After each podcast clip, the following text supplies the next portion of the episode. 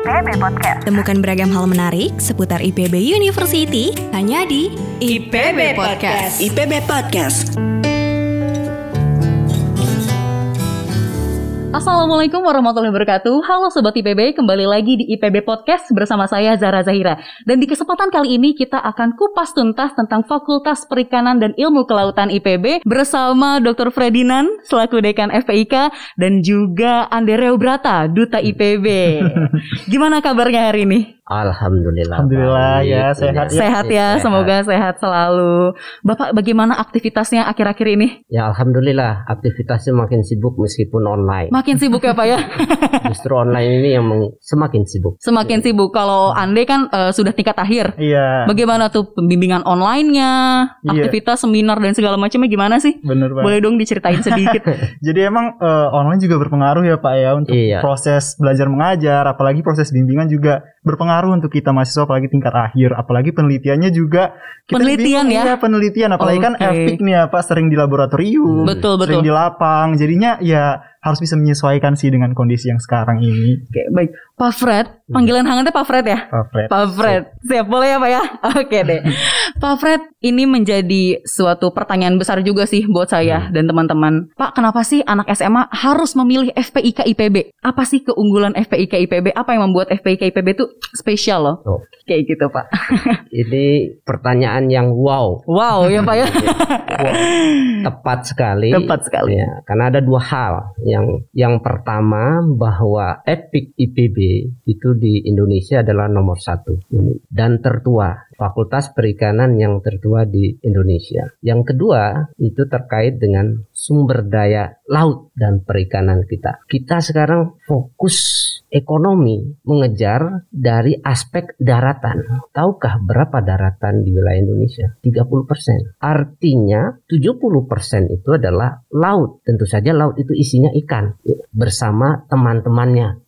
Ini. Nah, potensi 70% ini belum digarap maksimal karena kita berebutan dengan 30% itu.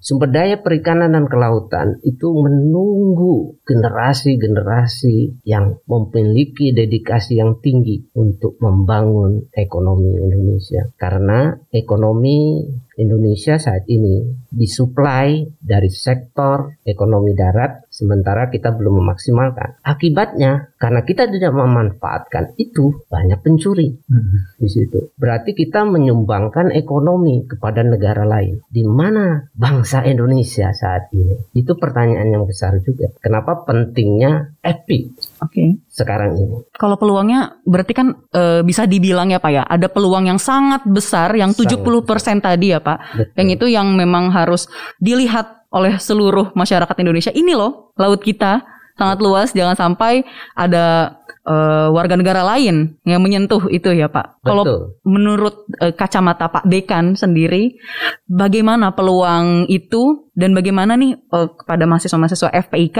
ke depannya akan seperti apa Pak prospek kelautan di Indonesia dan peluangnya seperti apa Pak? Ya, peluang dari sektor kelautan dan perikanan ini sangat eh, luas ininya. Tidak hanya dari sisi eh, sumber daya komoditi langsung ikan dan laut, tetapi juga sektor-sektor yang terkait pada sistem sumber daya kelautan dan perikanan. Contohnya pulau-pulau kecil, wisata bahari ininya yang yang saat ini sangat sedikit ininya baru dikembangkan.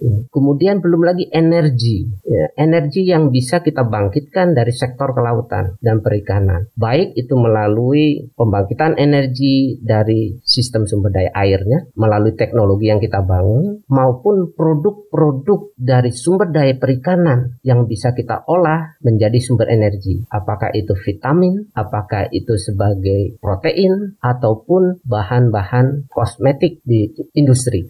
Sektor industri itu sangat membutuhkan bahan baku sumber daya laut, di antaranya rumput laut. Di dunia saat ini masih belum bisa dipenuhi supply dari rumput laut. Supply. ini. Oke. Nah, karena ya kita kekurangan sumber daya manusia untuk mengeksploitasi sumber daya ini, ya. karena kita terbatas jumlahnya.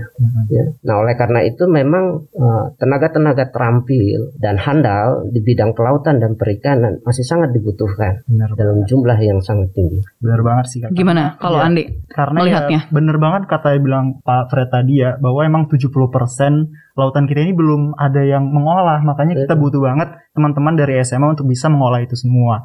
Contohnya kayak misalnya kita nggak mulu-mulu tentang produk-produk aja nih. Hmm. Kita juga ada di eh, Departemen Ilmu dan Teknologi Kelautan. Kita itu belajar tentang membuat robot nih kak. Robot bawah laut. Teknologinya. Yes, teknologinya. Jadi karena emang semakin maju zaman, tentu teknologi juga harus bisa mengimbangi dong ya kak ya. Jadi eh, kita juga butuh teknologi-teknologi ini untuk bisa mengeksplor karena hampir masih banyak banget em, organisme-organisme di bawah laut ini yang kita belum tahu nih ada organisme apa aja. Jadi sebagai mahasiswa perikanan tentunya kita harus bisa nih mengembangkan teknologi untuk bisa memantau di bawah laut itu ada apa aja sih sebenarnya gitu. Jadi karena emang jumlahnya yang begitu banyak, saya kira emang prospeknya juga bakal terus Prospek ada ya, ya, Pak. memang benar. luar biasa sekali. Berarti kan kalau kayak gitu tentunya Pak FPIK IPB ini menawarkan program studi apa ya? Iya. Yang nantinya bisa dipilih nih oleh para calon mahasiswa IPB.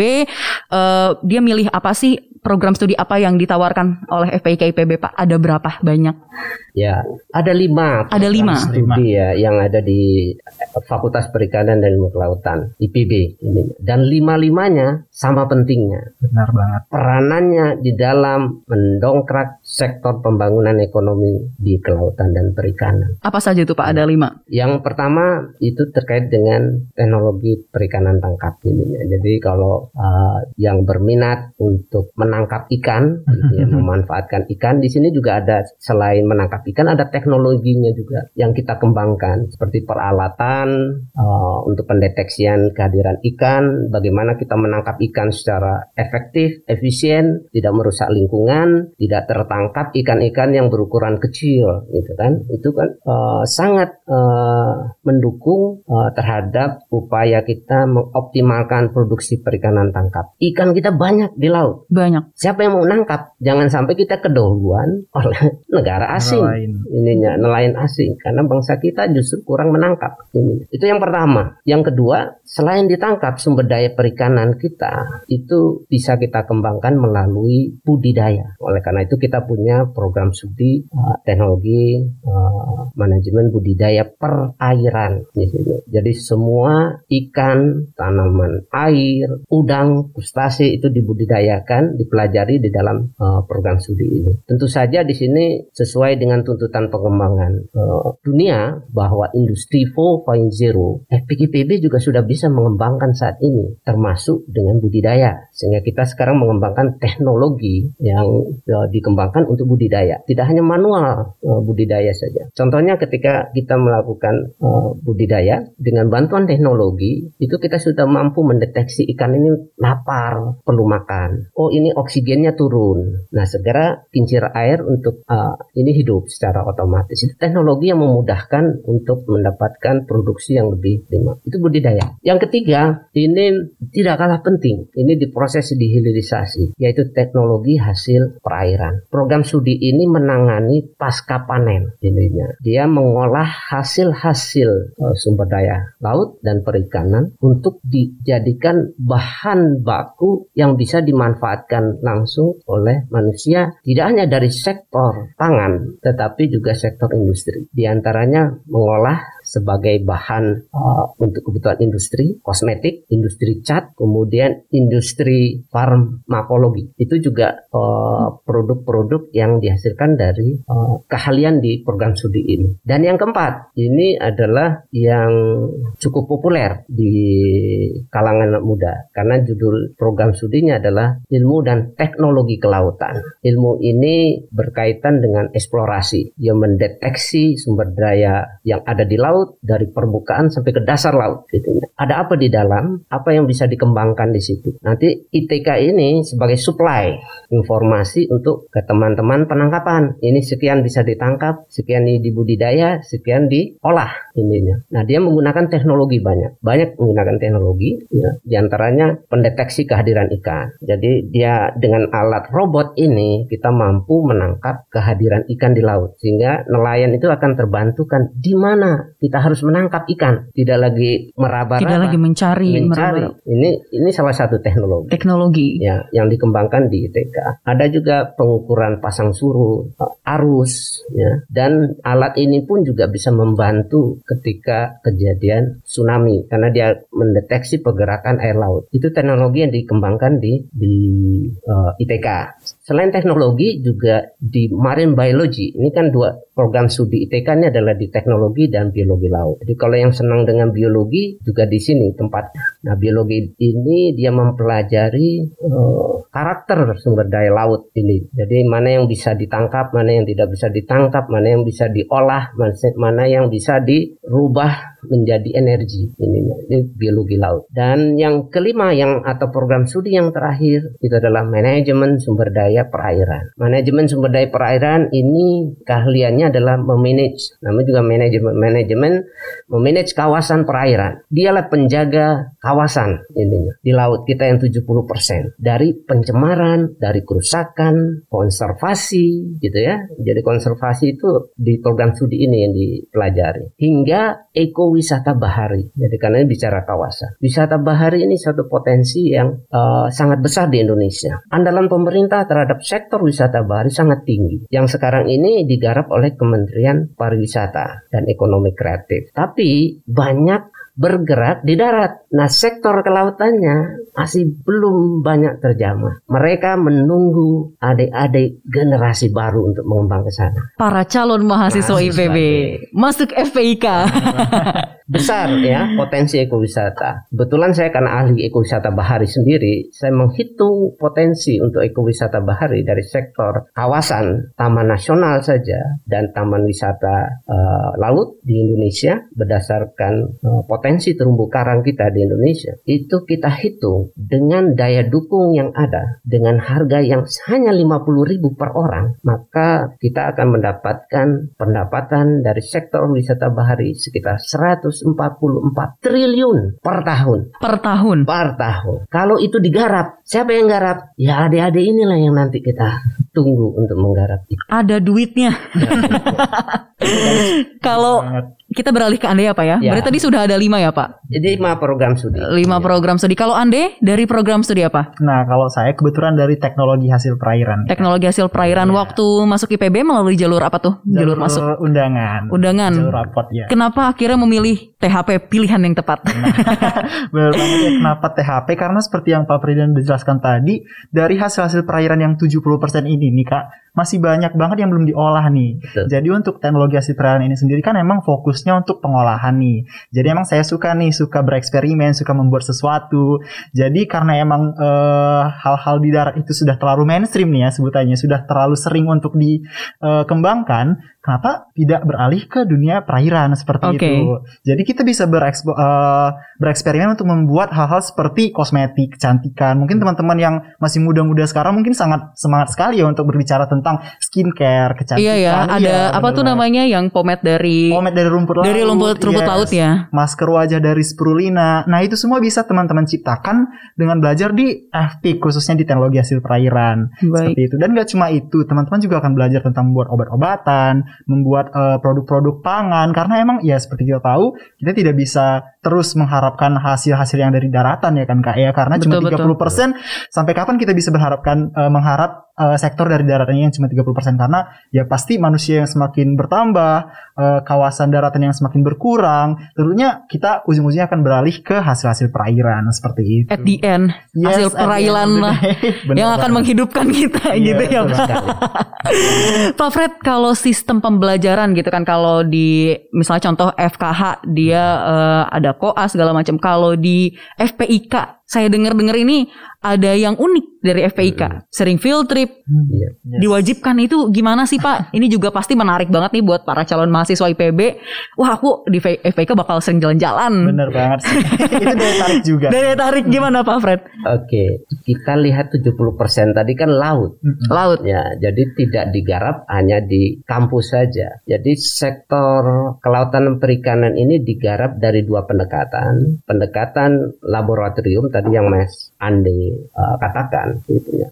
Meneliti, menguji coba gitu, eksperimen terhadap uh, perlakuan biota itu bisa dilakukan di darat ini ya, atau di lab ini. Tetapi semua hasil lab itu itu harus kan aplikasinya real. Kita tidak mimpi, tidak hanya angan-angan saja atau berteori saja, harus dipraktekkan. Kalau produk berarti harus dipraktekkan ke manusia ininya. Kalau penangkapan harus praktek dia harus ke laut. Kalau budidaya di tempat budidaya intinya. Apalagi ITK.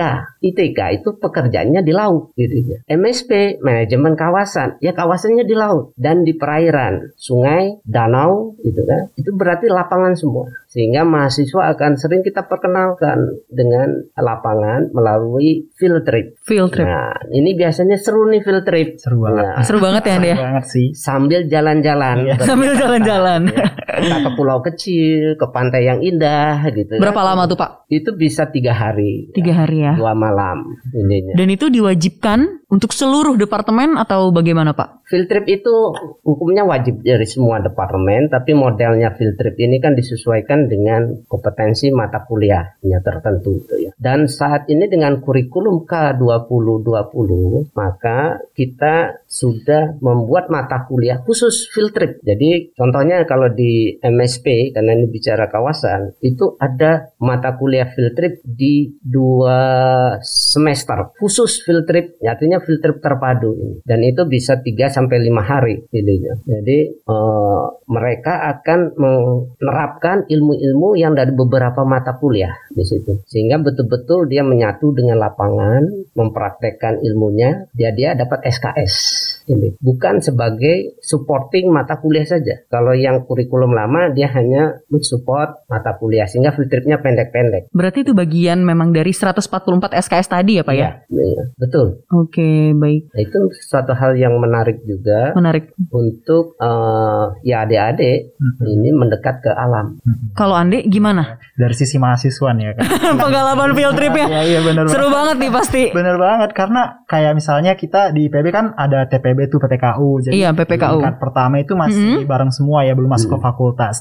Nah masuk ke fakultas di tingkat kedua di semester 3 itu kita langsung dapat mata kuliah-mata kuliah yang bener-bener baru kita dapatkan gitu loh kak. Kayak misalnya oceanografi, ekologi perairan ya pak, ichtyologi. Jadi semua ngebahas tentang dunia-dunia perairan kita. Jadi tentunya ada eh, field tripnya dong kayak yang kata bapak tadi bilang kita harus ke kawasan kita langsung nih 70% laut kita kita harus datengin nih. Jadi Waktu itu Ande ke mana tuh? Nah, kita ke sering ke eh, Pelabuhan Ratu, ke Kepulauan Seribu. Jadi kita benar-benar langsung ngeliat eh, lapangan kita itu nanti kayak gimana, Kak. Misalnya kita eh, field tripnya untuk oceanografi. Ya kita harus ngitung eh, pasang surut airnya kayak gimana, kejernihan airnya kayak gimana. Jadi emang semua program studi yang di FPIK itu harus mendapatkan basic yang sama dulu ya Pak awalnya. Jadi pemahaman kita tentang dunia perikanan juga itu harus sama semuanya. Walaupun nanti pada ujungnya eh, masuk ke fokus program studinya masing-masing seperti itu. Tapi pada dasarnya emang semua harus memiliki pengetahuan yang sama. Dan untuk program studi saya sendiri nih Kak, karena pengolahan kita juga belajar tentang bagaimana membuat industri nih Kak, industri. Jadi pernah field trip kemarin itu waktu semester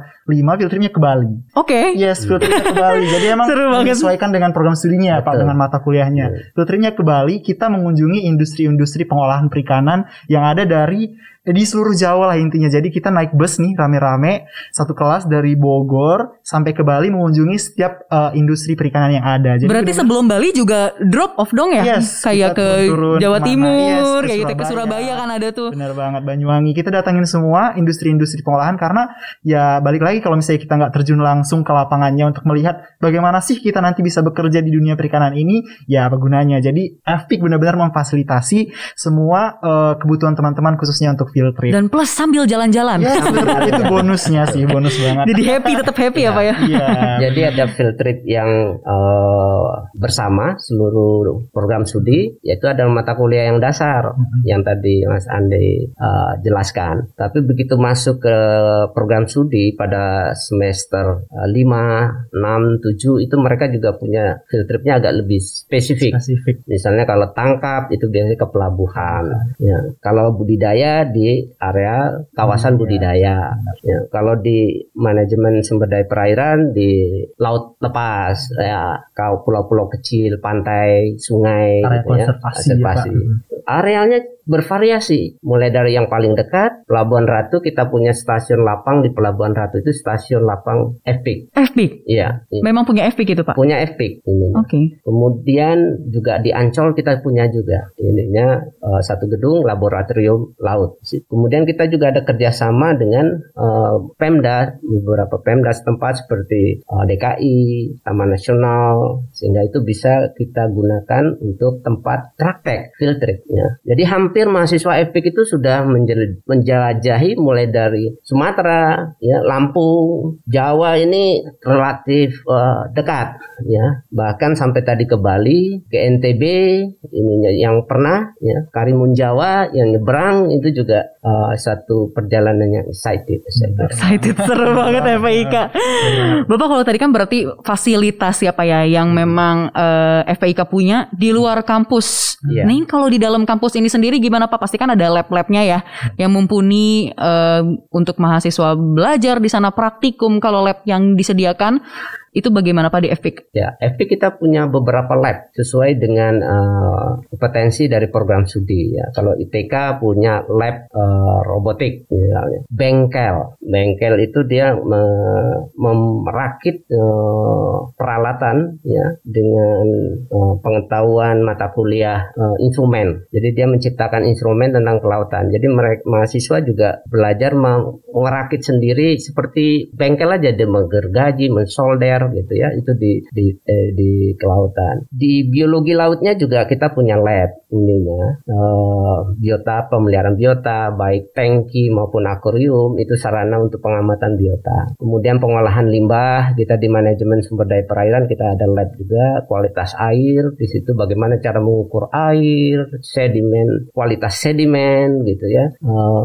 tangkap juga demikian ada simulasi perikanan tangkap ininya. Kalau prakteknya tangkap ini nanti Pelabuhan Ratu karena kita punya stasiun lapang di situ mahasiswa akan ikut dengan kapal dan menangkap eh, ikan langsung gitu ya. Mengu- selain mengukur oceanografi tadi yang diceritakan oleh Mas Ande yang mengukur arus, pasang dan sebagainya. Nah, kalau budidaya dia punya kolam, kita punya kolam. Kolam di fakultas itu di program studi budidaya dan juga ada kolam eh, percobaan, kolam perikanan di luar kampus kita di eh, areal yang di luar itu khusus untuk praktek dan sebagian nanti dikembangkan juga untuk bisnis perikanan. Dan lab-lab yang lainnya itu juga lab-lab yang terkait dengan eh, parameter-parameter yang terkait dengan kelautan dan perikanan. Banyak sekali lab yang bisa dikembangkan termasuk di THP Termasuk.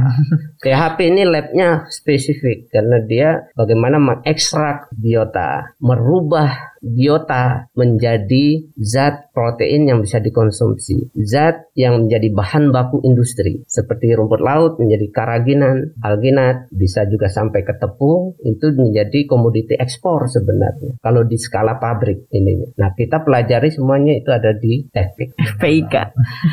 Pak Fred, ini banyak pertanyaan nyeleneh mungkin ya Pak ya dari calon mahasiswa IPB. Sebetulnya kalau di FPIK harus bisa berenang gak sih Pak? ini banyak loh Pak. Aduh, aku nggak jadi deh daftar FPIK nggak bisa renang soalnya kayak gitu. Kan jangan sampai ada yang kayak gitu Pak. Ya, berenang itu memang dibutuhkan, ya, tetapi bukan harga mati karena berenang ini bisa dipelajari. Ada beberapa eh, kebutuhan spesifik pada bidang-bidang tertentu yang membutuhkan eh, keahlian berenang ininya. Jadi seperti pengolahan, ya tidak harus berenang karena mengolah tidak berenang kan. Iya. Tapi berenang akan jauh lebih baik karena kita akan mengenal sumber daya eh, laut itu dengan langsung kita langsung. melihat ke bawah dengan snorkeling maupun diving. Itu kan berarti berenang kebutuhannya. ininya. Nah, tetapi berenang ini bisa kita bantu di fakultas karena ada mata kuliahnya sendiri. Ada mata kuliah Mata kuliahnya sehingga di departemen apa tuh Pak? Departemen PSP itunya ada eh, mata kuliah berenang dan penyelaman diving ya, intinya. itu mata kuliah. Tetapi kita juga sebenarnya punya himpunan eh, profesi yaitu yang kita sebut dengan FDC Fisheries Diving Club. Ini di bawah organisasi eh, POSI ininya Persatuan Olahraga Seluruh Indonesia ya. Itu yang terkait dengan lisensi untuk eh, diver penyelam. Jadi kita juga eh, memiliki kewenangan untuk mengeluarkan lisensi. Jadi kalau saya misal mau dapat lisensi diving bisa Pak? bisa Bisa. Kalau Ande, Bisa. Ande ikutan nggak? Enggak kebetulan enggak. Enggak kebetulan. Kalau Ande apa waktu itu? ininya? Eh, Anda ikut himpro sih karena di Ikut himpro fakultas, THP ya? Iya, di fakultas juga ada organisasi-organisasi Iya. ya Pak. Heeh. jadi boleh dipilih kok Bisa dipilih. Boleh dipilih ya. Karena kita punya menawarkan beragam keahlian kompetensi dari sektor kelautan dan perikanan. Berarti jawabannya adalah tidak harus bisa berenang. Iya, Tidak harus. Karena kebutuhannya beda-beda kayak gitu ya Pak ya. Dan FPIK menyiapkan justru Kalau ada ada yang berminat ada yang kalau ada yang berminat Iya, seperti Yang itu. Mau belajar renang gitu ya Iya, bisa banget. bisa. Ada. Kalau Ande kesibukannya eh, apa nih? Selain saat kemarin-kemarin aktif kuliah, Iya, ikut organisasi nggak? ikut dong. Karena sebelum eh, pandemi kuliahnya offline ya. Jadi Hmm. selama offline ya pasti ikut organisasi. Kangen offline nggak? Iya kangen banget. kangen banget. Semoga kita ngobrol. bisa Pasti. secepatnya ya, Iya, Pak iya. offline. kangen banget bisa ngobrol secara langsung kayak gini Iya. tanpa harus pakai masker ya kan Betul. bener banget jadi ya emang organisasi itu penting ya karena ya bisa selain kita belajar akademik di uh, program studi kita masing-masing kita juga harus bisa mengolah uh, komunikasi kita bagaimana kita berpikir untuk memecahkan suatu masalah dari organisasi kita jadi nggak mulu-muluk walaupun kita belajar tentang akademik tapi tetap kita harus bisa mengembangkan soft skill kita nah aku ikut uh, himpunan profesi di program studi aku Himasilkan himpunan mahasiswa hasil perikanan. Jadi semua departemen punya ya Pak, punya. punya himpunan masing-masing dan juga punya BEM-nya, BEM FPIK gitu. Jadi emang semua mahasiswa dibebaskan banget untuk bisa ngikutin apa pun itu. Nah selain itu juga di setiap eh, acara itu ada acara masing-masing kayak misalnya di FPIK itu ada eh, supporteran Poseidon ya Pak. Oh iya. Poseidon itu itu seru banget. Seru banget Pak. seru banget tapi karena offline jadi ya karena online jadi Kangen ya. kangen banget itu yang Aku benar-benar juga kangen sih. banget. di situ kita satu fakultas perikanan benar-benar disatukan banget satukan banget solid banget Iya. bahkan dekannya tuh sering banget naik atas Naik panggung. naik panggung Bapak nanti kalau offline siap naik Iya. panggung Pak. Jadi harus latihan dulu ini. iya harus Ntar latihan Anda yang ngajarin Bapak ya. karena emang mahasiswanya dekat banget sama dosen-dosennya sama dekan-dekannya seperti itu jadi emang nggak cuma akademik kita juga belajar bagaimana mengasah soft skill kita. Wow, lengkap sekali nih lengkap FPIK. banget Pak Fred, ini juga jadi pertanyaan banyak nih ya Iya. eh, bagi para calon mahasiswa IPB. Kak, peluang karir Hmm. atau iya peluang karir gimana sih Pak? Setelah lulus, aku mau jadi apa ya nanti ya? Kalau udah lulus dari FPIK.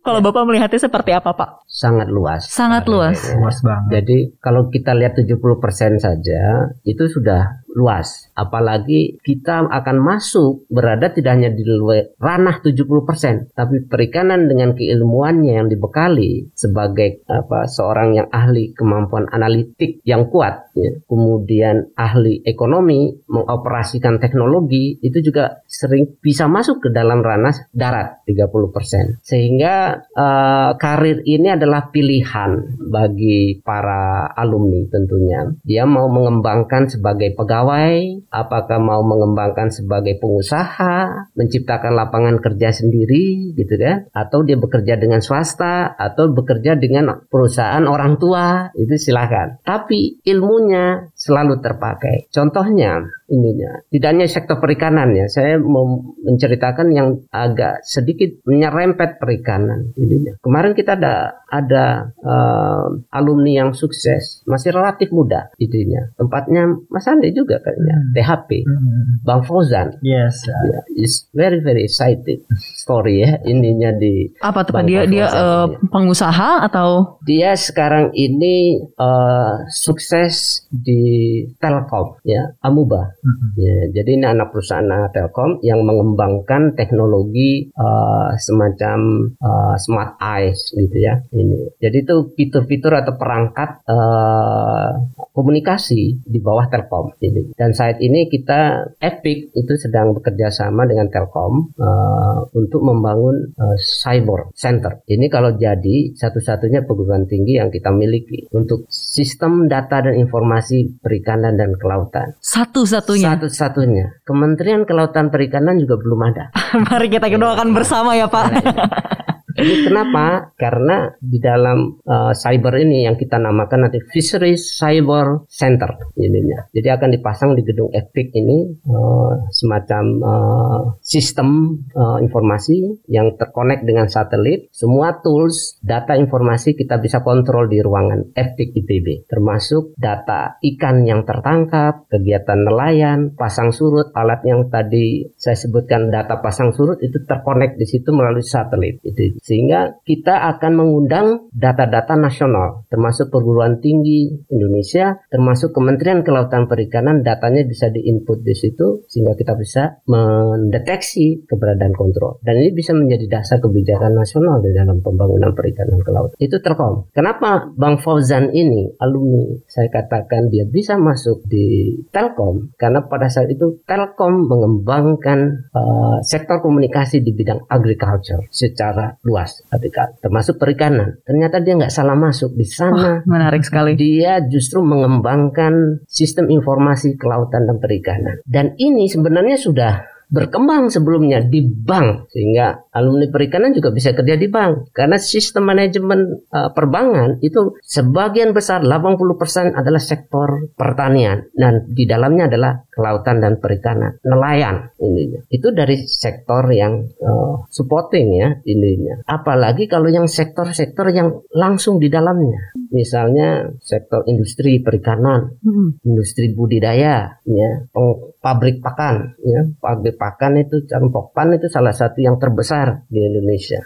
Perikanan tangkap itu membutuhkan sentuhan-sentuhan keahlian ya yang maju lah nelayannya jangan menangkapnya cara konvensional seperti ini gitu. Nah itu bisa kita create kita kembangkan. Itu terbuka sekali kalau kita eh, mengembangkan. Dan ini contoh para pengusaha-pengusaha muda dari alumni ini mengembangkan teknologi perikanan tangkap yang berkembang. Ini belum lagi NGO ya NGO tuh hidupnya banyak di laut. Itu bidang kita semua ini. Kementerian Kelautan Perikanan itu orang kelautan perikanan butuh kita semua. Lingkungan pencemaran kerusakan lingkungan. Kalau bicara kerusakan lingkungan 70% lingkungan kita laut. Berarti situ adalah ranah pekerjaan kita yang paling besar di situ ya. Dan tentu saja yang sekarang ini kita tuntut bahwa alumni perikanan itu harus mampu mengembangkan usahanya sendiri, mengcreate ini uh, inovasi-inovasi baru dari per- komoditi perikanan menjadi usaha baru yang belum terkenal saat ini. Dan tentunya sesuai dengan visi IPB ya Pak ya. Betul. Tekno Sosio Entrepreneur. Tepat sekali. Nah, itulah yang sebenarnya sekarang kita akan uh, prioritaskan bahwa kita akan mencetak alumni-alumni yang memiliki kemampuan wirausaha di sektor perikanan dan kelautan dan itu sangat ditunggu banget. Sangat ditunggu. Ande. banget. Ande sekarang kan berarti semester akhir, semester 8 ya. Iya. Setelah lulus sudah ada bayangan kah? Wah. Gimana ya? Pertanyaan berat atau Berat mau banget. mau S2 kah atau mau langsung mencari pekerjaan kah? Oke, untuk saya mungkin eh, lebih ke nyari pekerjaan ya. Karena ya sebagai mahasiswa nih justru semakin tingkat akhir malah semakin bingung tahu Kak kayak mau ke mana sebenarnya. Iya. Karena emang ke mana saja sebenarnya bisa ya Bisa. Pak. Bahkan ada kayak kakak tingkat saya itu kerja di startup yang bukan perikanan. Kita juga bisa ke sana karena emang kita dasarnya udah belajar semua hal yang orang lain juga butuhkan seperti manajemen. Dan Dan- pasti juga ada critical thinkingnya itu Yes, Pak ya. Critical thinking itu jadi ya karena kita udah Hmm. belajar itu semua jadi sebenarnya ke mana pun bisa. Ke mana pun bisa ya. Ah, jadi khusus untuk saya sih mungkin udah kebayang sih mau kerja di gimana. Sudah kebayang. Ya, merintis-rintis dulu lah. Amin. gitu. Kita doakan berminat menjadi dekan. Amin. Amin, aminkan saja dulu. Aminkan saja dulu ya. Kan semua kemungkinan ada ya Pak ya. Pak Fred dan juga Ande ini untuk terakhir boleh dong promosi FPIK kepada teman-teman calon mahasiswa IPB biar pada makin berminat nih untuk mas- masuk FPIK. Silakan Pak Fred. Ya, ya adik-adik calon mahasiswa ya, generasi depan eh, bangsa ini ini terletak pada kalian semua. Ini, sektor kelautan perikanan menunggu kalian untuk sentuhan-sentuhan kalian di lima tahun lagi setelah kalian memiliki keahlian di dalam eh, perikanan dan kelautan. Oleh karena itu bergabunglah dengan kami. Kami siap menciptakan kalian untuk menjadi tenaga ahli dan terampil di bidang kelautan dan perikanan. Oke. Panjang ya. Anda jadi mikir nih Pak mau ngomong apa ya habis ini. Udah disebutkan sama Bapak semuanya. Tapi Kalau pasti- ya. silakan. yang pasti eh, kita juga harus tahu bahwa eh, bumi kita jangankan Indonesia ya kak bumi kita itu 70% emang udah air semuanya jadi emang eh, kemungkinan-kemungkinan yang bisa kita dapatkan dari hasil pengolahan di dunia perikanan ini bakal terus ada sampai akhir hayat mungkin ya kak kalau misalnya kita bisa mengolah itu jadi karena emang orang masih memandang sebelah mata perikanan dan kelautan kita jadi masih sangat kurang nih sumber daya sumber daya yang bisa mengolah itu semua jadi inilah peluang yang tepat untuk teman-teman semua untuk bisa menciptakan karir di dunia perikanan dan kelautan karena emang orang-orangnya masih belum ada. Dan oleh sebab itu kami tunggu teman-teman semua untuk bisa mengolah itu semua khususnya untuk masuk di Fakultas Perikanan dan Ilmu Kelautan IPB University. Kami tunggu. Oke, kami tunggu dan untuk terakhir ada jargon Pak FPIK ya Wah, katanya. Ada. Ajarin saya dong Jargon boleh. Kebanggaan tuh. Gimana Pak Fred? Pamplet kali ya. Jargonnya identik dengan uh, warna laut. Warna laut Ya, biru. biru. Iya. Dan itu menjadi spirit, Spirit. high spirit dari uh, FPIK ini. Sehingga kita uh, mempunyai jargon FPK biru, biru FPK. Oke, kita bersama ya bisa bisa dipimpin oleh Ande mungkin. Saya yang pimpin ya. Iya. Nanti gini ya teman-teman. Jadi ada sebutannya itu kalau misalnya saya bilang eh, FPK jawabannya biru. Biru. Kalau bilang biru jawabannya FPIK. Jadi Gitu. spirit ya kata Iya, Pak. Oke, udah boleh Ande. Daging gitu. Oke kita mulai ya kak Oke. ya. FPIK Biru. Biru. FPIK. Sekali lagi boleh. FPIK Biru. Biru. FPIK. Yeay, terima kasih. Bapak Fred dan juga Ande telah bergabung bersama kita semua ini seru banget para calon mahasiswa IPB sudah Ya. banyak sekali informasi yang didapatkan sekian dari saya Zahra wassalamualaikum warahmatullahi wabarakatuh thank you Ragam hal menarik seputar IPB University hanya di IPB Podcast. IPB Podcast.